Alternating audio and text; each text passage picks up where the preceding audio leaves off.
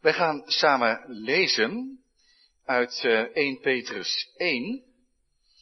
Aan het begin van 2020 starten we een serie in de middagdiensten over de brief die Petrus schreef. Een algemene brief aan heel wat gelovigen. Een rondzendbrief, belangrijk voor de kerk van toen en ook voor de kerk van nu. De laatste keer van de serie was op 8 maart, dat is toch al een tijdje geleden weer. Die is toen stil komen te vallen, maar waarom pakken we het niet op? En dat gebeurt vanaf nu. Gaan we verder lezen in 1 Petrus, prachtige brief. Toen stonden we al in verschillende preken stil bij de versen 1 tot en met 12. Op 8 maart de versen 13 tot 21 met vijf redenen tot een heilig leven. Vijf redenen om heilig te leven. Zo zegt die preek wil ik toch nog horen. Die is er nog.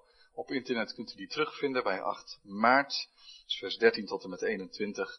En in deze dienst zal vers 22 tot en met 25 de tekst van de prediking zijn. Maar we gaan lezen vanaf vers 13. Dus 1 Petrus 1 van vers 13 tot en met 25. Dan lezen we het woord van de apostel en het woord van God voor ons als volgt. Om God, God daarom de lendenen van uw verstand, wees nuchter en hoop volkomen op de genade die u toegebracht wordt in de openbaring van Jezus Christus. Word als gehoorzame kinderen niet gelijkvormig aan de begeerten die er vroeger in de tijd van uw onwetendheid waren. Maar zoals Hij die u geroepen heeft heilig is, wordt zo ook zelf heilig in heel uw levenswandel. Want er staat geschreven, wees heilig, want ik ben heilig. En als u hem als vader aanroept, die zonder aanzien des persoons naar ieders werk oordeelt, wandel dan in de vrezen des Heren gedurende de tijd van uw vreemdelingschap. In de wetenschap dat u niet met vergankelijke dingen, zilver of goud, vrijgekocht bent van uw zinloze levenswandel, die u door de vaderen overgeleverd is, maar met het kostbaar bloed van Christus, als van een smetteloos en onbevlekt lam. Hij is wel van tevoren gekend, voor de grondlegging van de wereld, maar in de laatste tijden geopenbaard omwille van u. Door hem gelooft u in God, die hem opgewekt heeft uit de doden en hem heerlijkheid gegeven heeft, zodat uw geloof en hoop op God gericht zijn. Nu u dan uw zielen gereinigd hebt in de gehoorzaamheid aan de waarheid, door de geest, tot ongeveinsde broederliefde, heb elkaar vurig lief, uit een rein hart. U die opnieuw geboren bent, niet uit vergankelijk, maar uit onvergankelijk zaad, door het levende en eeuwig blijvende woord van God. Want alle vlees is als gras en al de heerlijkheid van de mens is als een bloem in het gras. Het gras is verdord en zijn bloem is afgevallen. Maar het woord van de Heer blijft tot in eeuwigheid. En dit is het woord dat onder u verkondigd is. Tot zover lezen we Gods woord voor deze dienst. Zalig zijn zij die het woord van de Heere onze God horen en geloven en daaruit leven. Amen. De tekst voor de prediking is dus 1 Petrus 1 vers 22 tot en met 25. Laten we die nog een keer aandachtig lezen en hou ze er dan ook maar bij. Nu u dan uw zielen gereinigd hebt in de gehoorzaamheid aan de waarheid door de geest tot ongeveinsde broederliefde, heb elkaar vurig lief uit een rein hart. U die opnieuw geboren bent, niet uit vergankelijk, maar uit onvergankelijk zaad, door het levende en eeuwig blijvende woord van God. Want alle vlees is als gras en de heerlijkheid van de mens is als een bloem in het gras. Het gras is verdord en zijn bloem is afgevallen. Maar het woord van de Heer blijft tot in eeuwigheid. En dit is het woord dat onder u verkondigd is. 1 Petrus 1 vers 22 tot en met 25. Gemeente van onze Heer Jezus Christus. Jongeren, kinderen, jongens en meisjes en broeders en zusters. Wij zijn, wie wij zijn van geboorte is nogal bepalend voor wie wij zijn. Ik zeg niet alles bepalend. Hè? Het wil niet zeggen van ja, ik ben nou eenmaal zo geboren en dat is het dan. Alsof je niet keuzes te maken hebt in het leven. Alsof er niet allerlei kansen en ook omstandigheden zijn die je uiteindelijk vormen en maken zoals je bent. Maar geboorte is wel een belangrijke factor. Maar daarnaast heb je natuurlijk ook de opvoeden, opvoeding. De warmte, of het gebrek daaraan in het gezin waar je in je opgroeit. De waarden die je meekrijgt, de sfeer, leefgewoonte, structuur van het leven. Maar tegelijkertijd kun je verschillende kinderen exact dezelfde opvoeding proberen te geven. Dat lukt natuurlijk nooit helemaal, maar toch. Hè, het is hetzelfde nest waaruit ze komen, dezelfde sfeer, dezelfde waarden. En je merkt, geen kind is hetzelfde. Het is natuurlijk de opvoeding, de voeding en de opvoeding, nurture. Kun je dat eventjes met een Engels woord samenvatten? Maar er is ook zoiets als nature, dat wil zeggen hoe je bent. Hoe ben je als persoon? Wat heb je ook van je eigen natuurlijke geboorte meegekregen. Je aanleg, zou je ook kunnen zeggen. En als iets bijvoorbeeld heel diep zit, dan zeggen we wel eens, oh, dat zit in zijn genen. Nou ja, dat is maar de vraag of dat altijd zo is, maar het, het is niet alleen, we worden niet alleen gevormd door de omstandigheden, door de opvoeding, maar ook hoe we zijn geboren. Eigenlijk zou je ook kunnen zeggen, na de verwekking, en waarom ik zo ver terug ga, nog achter de geboorte naar de verwekking, als de zaadcel en eicel bij elkaar komen, dan, dan gaat er al iets onderweg naar een zeer uniek menselijk leven. Het is een heel pril levensbegin. Een uniek mens, die uiteindelijk uh, heel zelfstandig zal zijn. Opvallend in de Bijbel is dat de geboorte of juist moet ik zeggen, de wedergeboorte, een nieuwe geboorte, opnieuw geboren worden, dat, dat een beeld, een voorbeeld, een metafoor wordt van, van bekering, van God leren kennen. Dat, dat is heel verstrekkend. Wedergeboorte, opnieuw geboren worden. Jezus zei dat, misschien herinner je dat wel, tegen Nicodemus. Nicodemus kwam in de nacht met Jezus praten, maar Jezus zei al heel gauw tegen Nicodemus, als jij niet opnieuw geboren wordt, dan zul je het koninkrijk van God niet kunnen binnengaan. En Nicodemus begreep dat niet. Die zegt, waar heeft hij het eigenlijk over? Ik, ik snap dat niet. Maar de heer Jezus zei al vrij snel, maar Nicodemus, dit moet jij wel snappen. Je bent een leraar van Israël. Hoe komt het dat je deze dingen niet begrijpt? In het Oude Testament staat toch dat God een nieuwe geest in ons wil geven. Dat God ons nieuwe mensen maakt. Jezus zegt, als je niet opnieuw geboren bent, dan kun je het, woord, het, het koninkrijk van God niet binnengaan. Ook in Johannes 1 komt dat onderwerp aan de orde. Dan staat dat heel veel mensen het woord van God hebben afgewezen. Hij is gekomen tot het zijne en de zijne hebben hem niet aangenomen. Maar zoveel als hem aangenomen hebben, die heeft God de macht gegeven om kinderen van God te worden. Dat zijn degenen die in zijn naam geloven. En dan staat daarbij, die zijn niet uit bloed, niet uit de wil van vlees en ook niet uit de wil van een man, maar uit God geboren.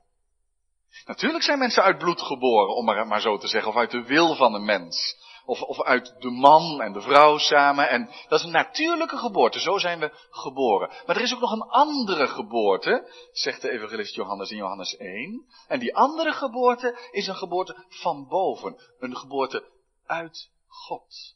Dan is het diepste wat bepalend in ons leven niet dat wij geboren mensen zijn. En dan is daarmee ook alles gezegd. Maar dat we opnieuw geboren zijn. Kinderen van God. En dat gaat heel ver. Dat zegt dus, ja, als je opnieuw geboren wordt, als je God leert kennen, dan is dat maar niet een kleine koerswijziging in je leven.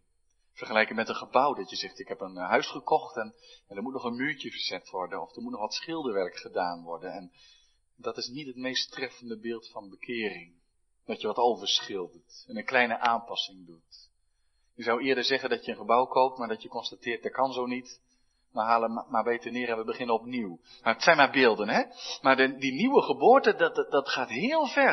Je zegt, je mag, je mag ook, en wat is dat mooi, je mag de reis totaal overnieuw beginnen.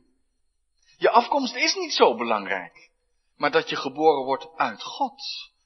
Dat je een kind van God mag zijn.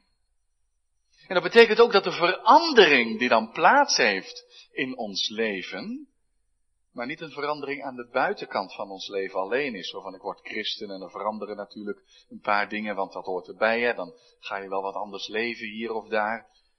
Maar opnieuw geboren wil ook zeggen dat er van binnen iets verandert. En dan begint het ook wel spannend te worden, want hoe werkt dat dan? Want als je God leert kennen, ben je niet opeens een totaal ander mens geworden. En toen ik God leerde kennen, vind nog niet zo makkelijk om te zeggen wanneer dat gebeurde, want ik heb het christelijk geloof ook van huis uit meegekregen. En op een gegeven moment eigen je jezelf dat toe. Dat is heel belangrijk. En er zijn wel momenten dat je zegt, ja maar nu echt, voor het eerst omarm ik het zelf ook helemaal. Nou, word je dan opeens een totaal ander mens. Nee, je blijft dezelfde persoon. En toch, en toch zegt die nieuwe geboorte, er gebeurt echt heel diep van binnen iets. Er gebeurt echt iets met ons. Waar we eerst mensen waren, vergankelijke mensen, mensen zonder God, worden we nu mensen die aan God verbonden zijn. En die erbij zullen zijn in zijn toekomst. Daarom is niet het allerbelangrijkst. dat mensen zeggen wel eens van wie ben je er een? Van wie ben je er een? Oh, je kunt wel zien dat hij er een van die en die is. En dat is natuurlijk heel erg leuk, hè. Als een van je kinderen op je lijken, dat is, dat is erg leuk in, in uiterlijk en soms ook in karakter. Je bent er zeker een van die en die. Maar na die nieuwe geboorte is één ding het allerbelangrijkste. Dus van wie ben je er een van mijn hemelse vader? Het is dan zegenrijk als je zegt, dat kun je wel zien ook. Je ziet soms wat trekken terug van die hemelse vader in zijn kinderen. Dat telt dat telt. Onze afkomst is uiteindelijk niet het belangrijkste. En wie onze aardse ouders zijn, is uiteindelijk ook niet het belangrijkste. Maar dat we een vader hebben in de hemel. En dat we opnieuw geboren zijn. Opnieuw geboren, dat is dan ook het thema voor de preking. Kijk maar, we vinden het in onze tekst. En dan begin ik niet bij vers 22, maar bij vers 23. Want dan zegt Petrus tegen die gelovigen aan wie die schrijft. U die opnieuw geboren bent. Jullie zijn opnieuw geboren. Dat had hij ook al gezegd in vers 3. Omdat natuurlijk die serie al een tijdje geleden is, wijs ik daar toch nog maar even op. In vers 3 staat, geprezen zij de God en Vader van onze Heer Jezus Christus. Die ons overeenkomstig zijn grote barmhartigheid opnieuw geboren deed worden, tot een levende hoop, door de opstanding van Jezus Christus uit de doden.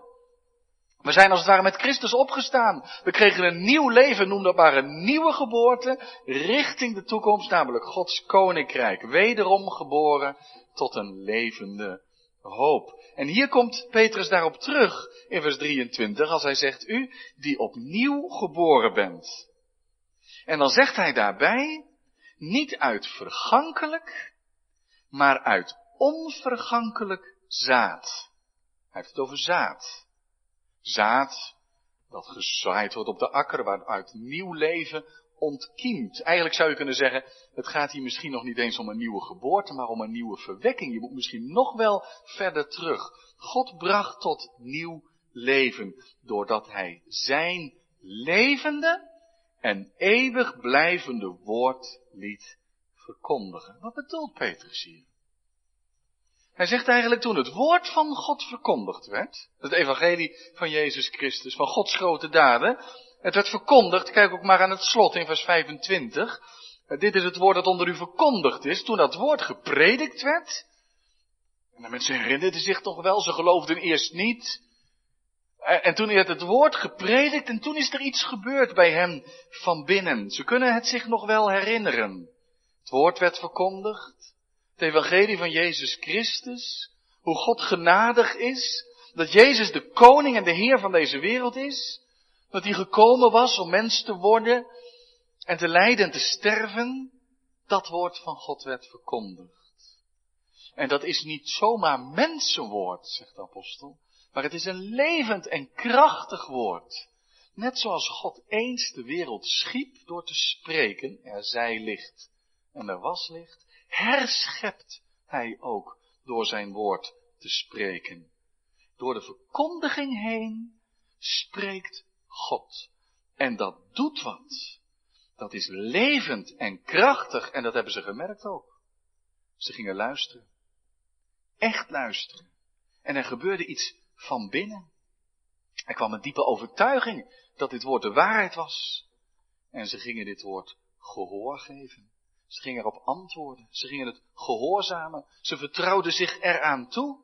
Of zoals, sorry, zoals vers 22 zegt, nu u dan uw zielen gereinigd hebt in gehoorzaamheid aan de waarheid. Ze hebben het erkend als de waarheid van God. Ze hebben zich eraan gewonnen gegeven. Ze zijn de waarheid gehoor gaan Kijk, dat is meer dan dat we ons erin interesseren. Dat is dat het levende woord voor ons ook echt het leven wordt.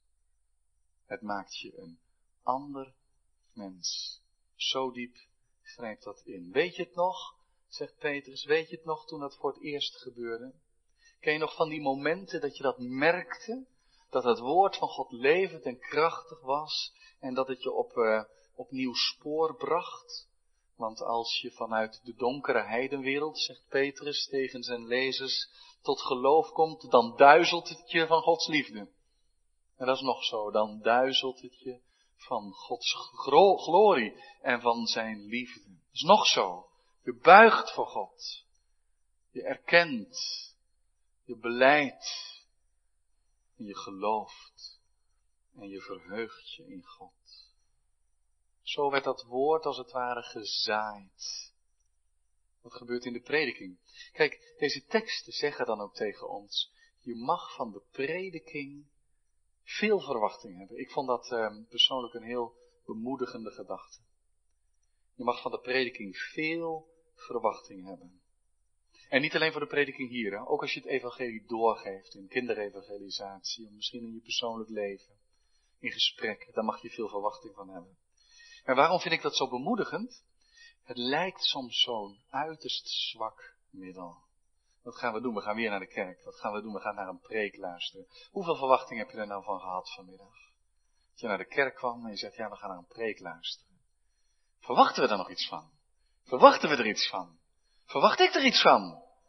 Ja, ik verwacht er wat van. Dat God de prediking van zijn eigen woord gebruikt. Hoe, dat kan ik niet overzien. En soms denk je als je zo'n klein groepje in de kerk ziet zitten, en zelfs als de kerk vol is, dan maakt het nog niet veel anders. Dan staat er iemand op de kansen die staat van Gods woord te vertellen. En je denkt eigenlijk, als je er alleen menselijk naar kijkt, wat haalt dat nou uit in het leven? Wat haalt dat nou uit?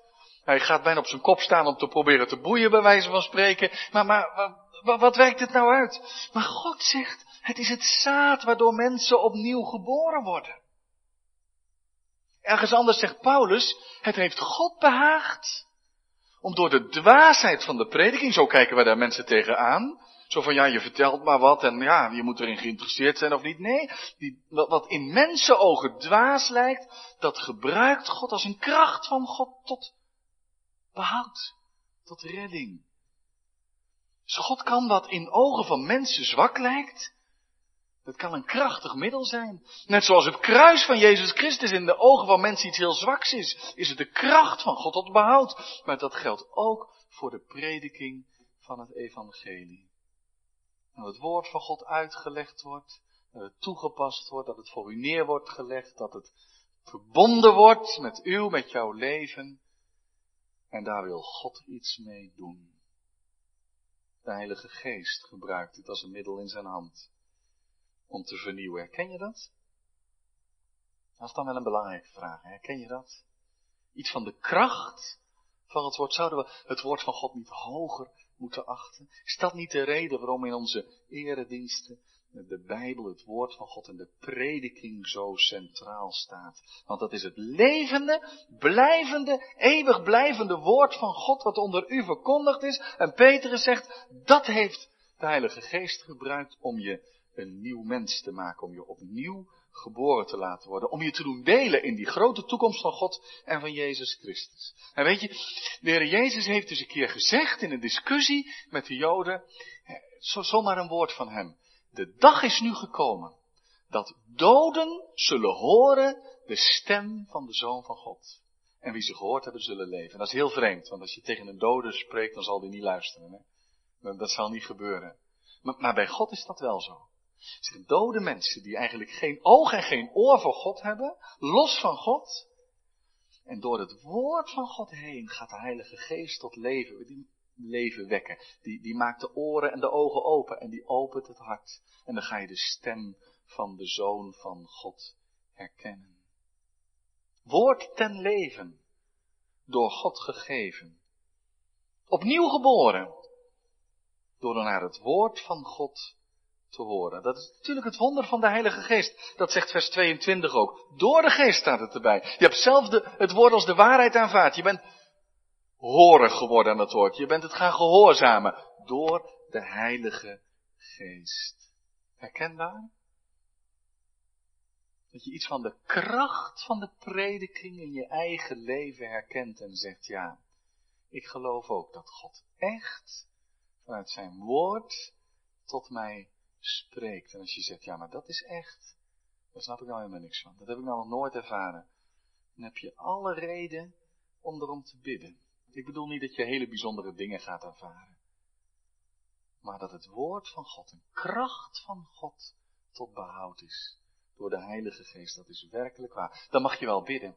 Wek mij tot leven. Open mijn hart. En prijs alsjeblieft God als je het erkent. Als je het herkent. Is het inderdaad wat een wonder is dat. Dat de Heere God mij zo aanspreekt. Nu die vernieuwing, nieuwe geboorte, die vindt diep van binnen plaats. Maar die wordt ook direct zichtbaar in het leven. En dan ga ik van vers 23 even naar vers 22. U heeft uw zielen. Dat klinkt heel actief, hè? Kijk, geboren worden heeft niemand van ons voor gekozen. Dat is ons allemaal overkomen. Waar of niet? Hebben we ervoor gekozen in welk jaartal we geboren wilden worden? Welke plaats? Welke omstandigheden? Gek hè, dat we in, ons, in deze wereld eigenlijk alles willen we naar onze hand zetten. Maar het begin van ons leven, daar hebben we nou net niets over te zeggen gehad. Maar het is bij de nieuwe geboorte ook zo. Dat is wat God doet. God werkt door zijn geest in ons leven. Maar dat betekent niet dat we daar niet om mogen vragen. Dat betekent niet dat we ook niet direct zelf ingeschakeld worden, want we worden opnieuw geboren. Dat is Gods werk. Maar dan reinigen wij, heel actief klinkt dat in vers 22, dan reinigen wij onze zielen, ons hele leven. Willen we reinigen, we willen het oude leven achterlaten, inderdaad in dat nieuwe leven opstaan. We zijn opnieuw geboren, kind van God.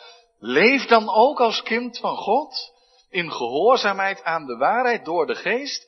En dan zegt Petrus, tot ongeveinsde broederliefde. Heb elkaar vurig lief uit een rein hart. Dat is opmerkelijk. Petrus zegt, als je nou opnieuw geboren wordt, je wordt een kind van God, het woord van God hoor je, en het draagt vrucht. En dan zegt hij, weet je nou welke vrucht ik als eerst aan denk? Broederliefde, zegt hij. Broederliefde. Ongeveinsd, dat we zeggen, niet gespeeld, niet fake, niet hypocriet, maar echt. En als hij zegt, heb elkaar lief uit een vurig hart, heb elkaar vurig lief, dat wil zeggen heel ernstig. Ook als het moeilijk wordt, dat je dan toch volhoudt. Elkaar vergeeft en verdraagt en lief hebt. Echte, hartelijke liefde. Dus waar leidt die nieuwe geboorte toe? Wat is wezenlijk, kenmerkend voor die nieuwe geboorte? Nou, dan kun je heel wat opnoemen. Maar Petrus zegt, laten we maar heel kort houden. Onderlinge, broederlijke en zusterlijke liefde. Opmerkelijk.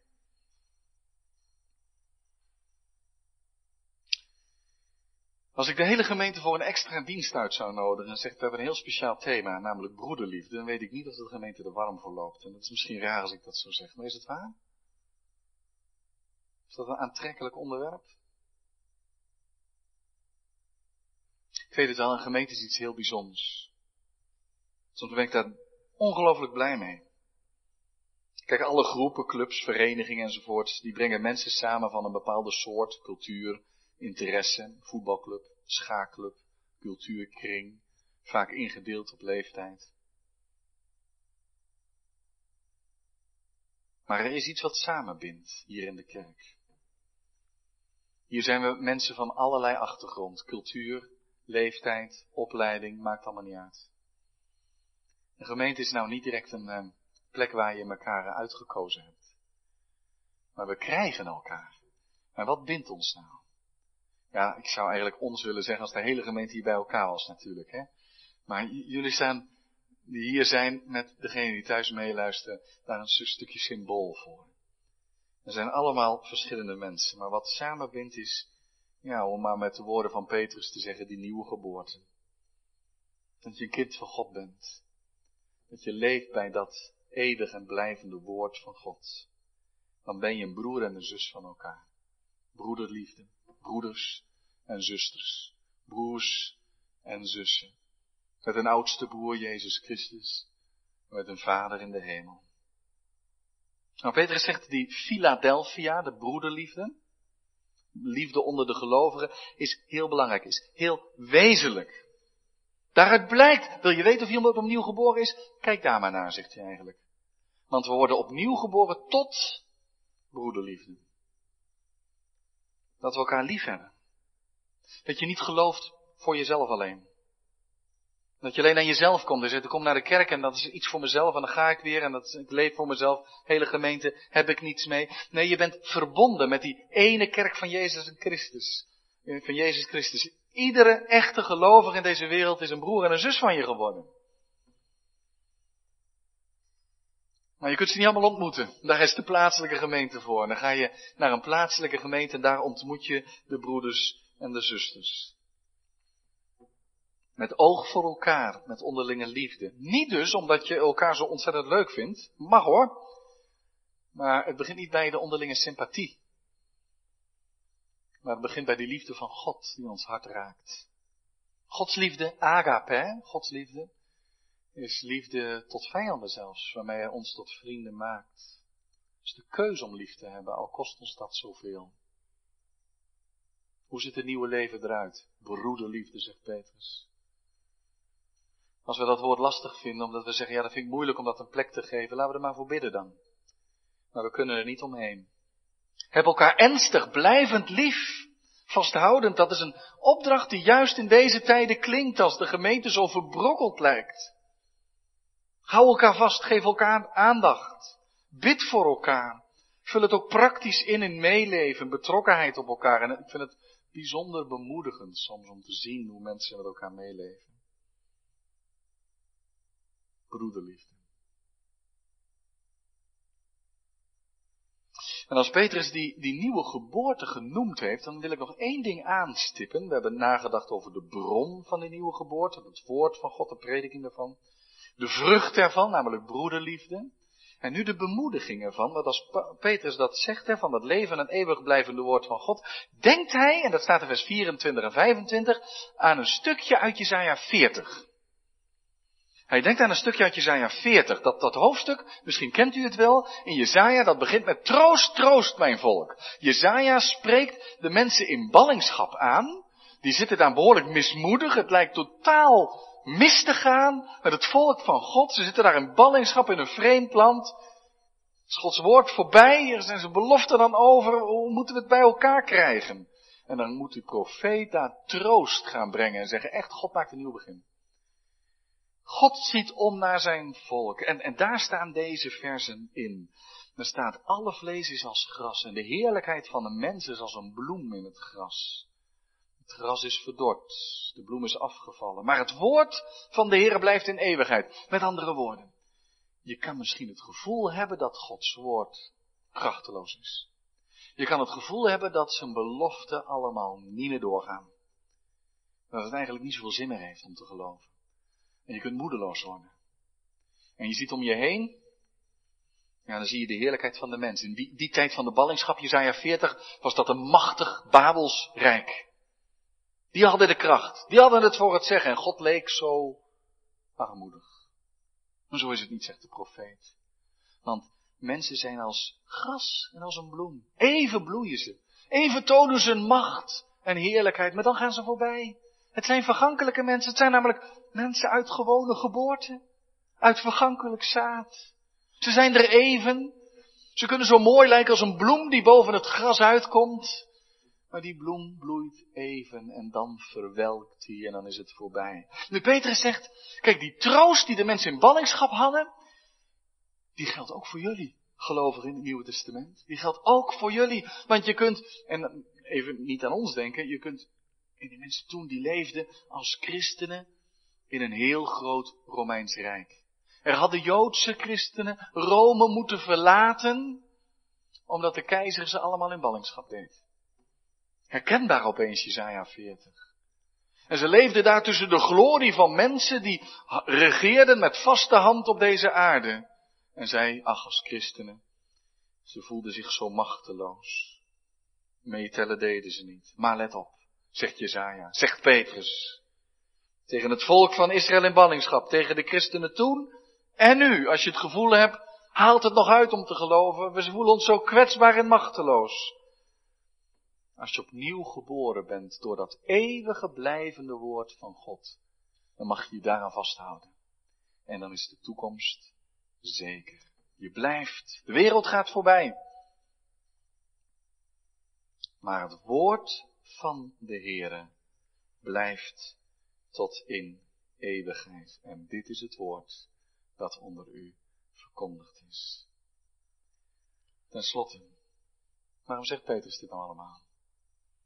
Weet je waar het goed voor is? Dan mag ik allereerst dit zeggen. Ik weet niet zeker of Petrus eraan gedacht heeft. Als je dit eens even op je af ziet komen. En je leeft voor deze wereld. En je doel in deze wereld is om sterk en machtig en de heerlijkheid van de mens te laten zien. Die gaat voorbij. We zijn kwetsbaar. We willen dat niet weten, maar alleen al het coronavirus heeft ons dat toch al een beetje duidelijk gemaakt. Broos en kwetsbaar. Waarop wil je hoop bouwen? Het woord van God blijft tot in eeuwigheid. De wereld gaat voorbij. Alle begeerten, alle aantrekkingskracht van de wereld. Maar wie de wil van God doet, blijft in eeuwigheid. Wat wil dit woord van God zeggen? Als je Christus nog niet kent, kies dan het leven. Kies het leven. Zeg, dit woord van God heb ik nodig. Want mijn leven hier is vergankelijk, maar ik heb die nieuwe geboorte nodig, zodat ik bij Jezus en bij God hoor. Dat is het eerste. Tweede, een enorme bemoediging voor ieder die gelooft. Weet wie je bent, je bent opnieuw geboren. Je hoort bij God. God ontfermt zich over je. Hij leidt je, houdt je vast, hij troost je, hij, hij stuurt je leven aan.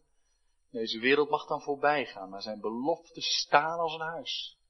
En die gaan nooit meer voorbij. Hij maakt zijn woord waar. Geef daarom niet op. Leef in broederliefde, onderlinge liefde.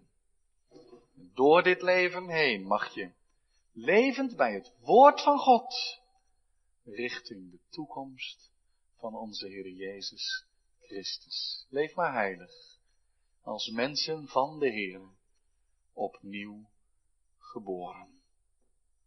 Amen.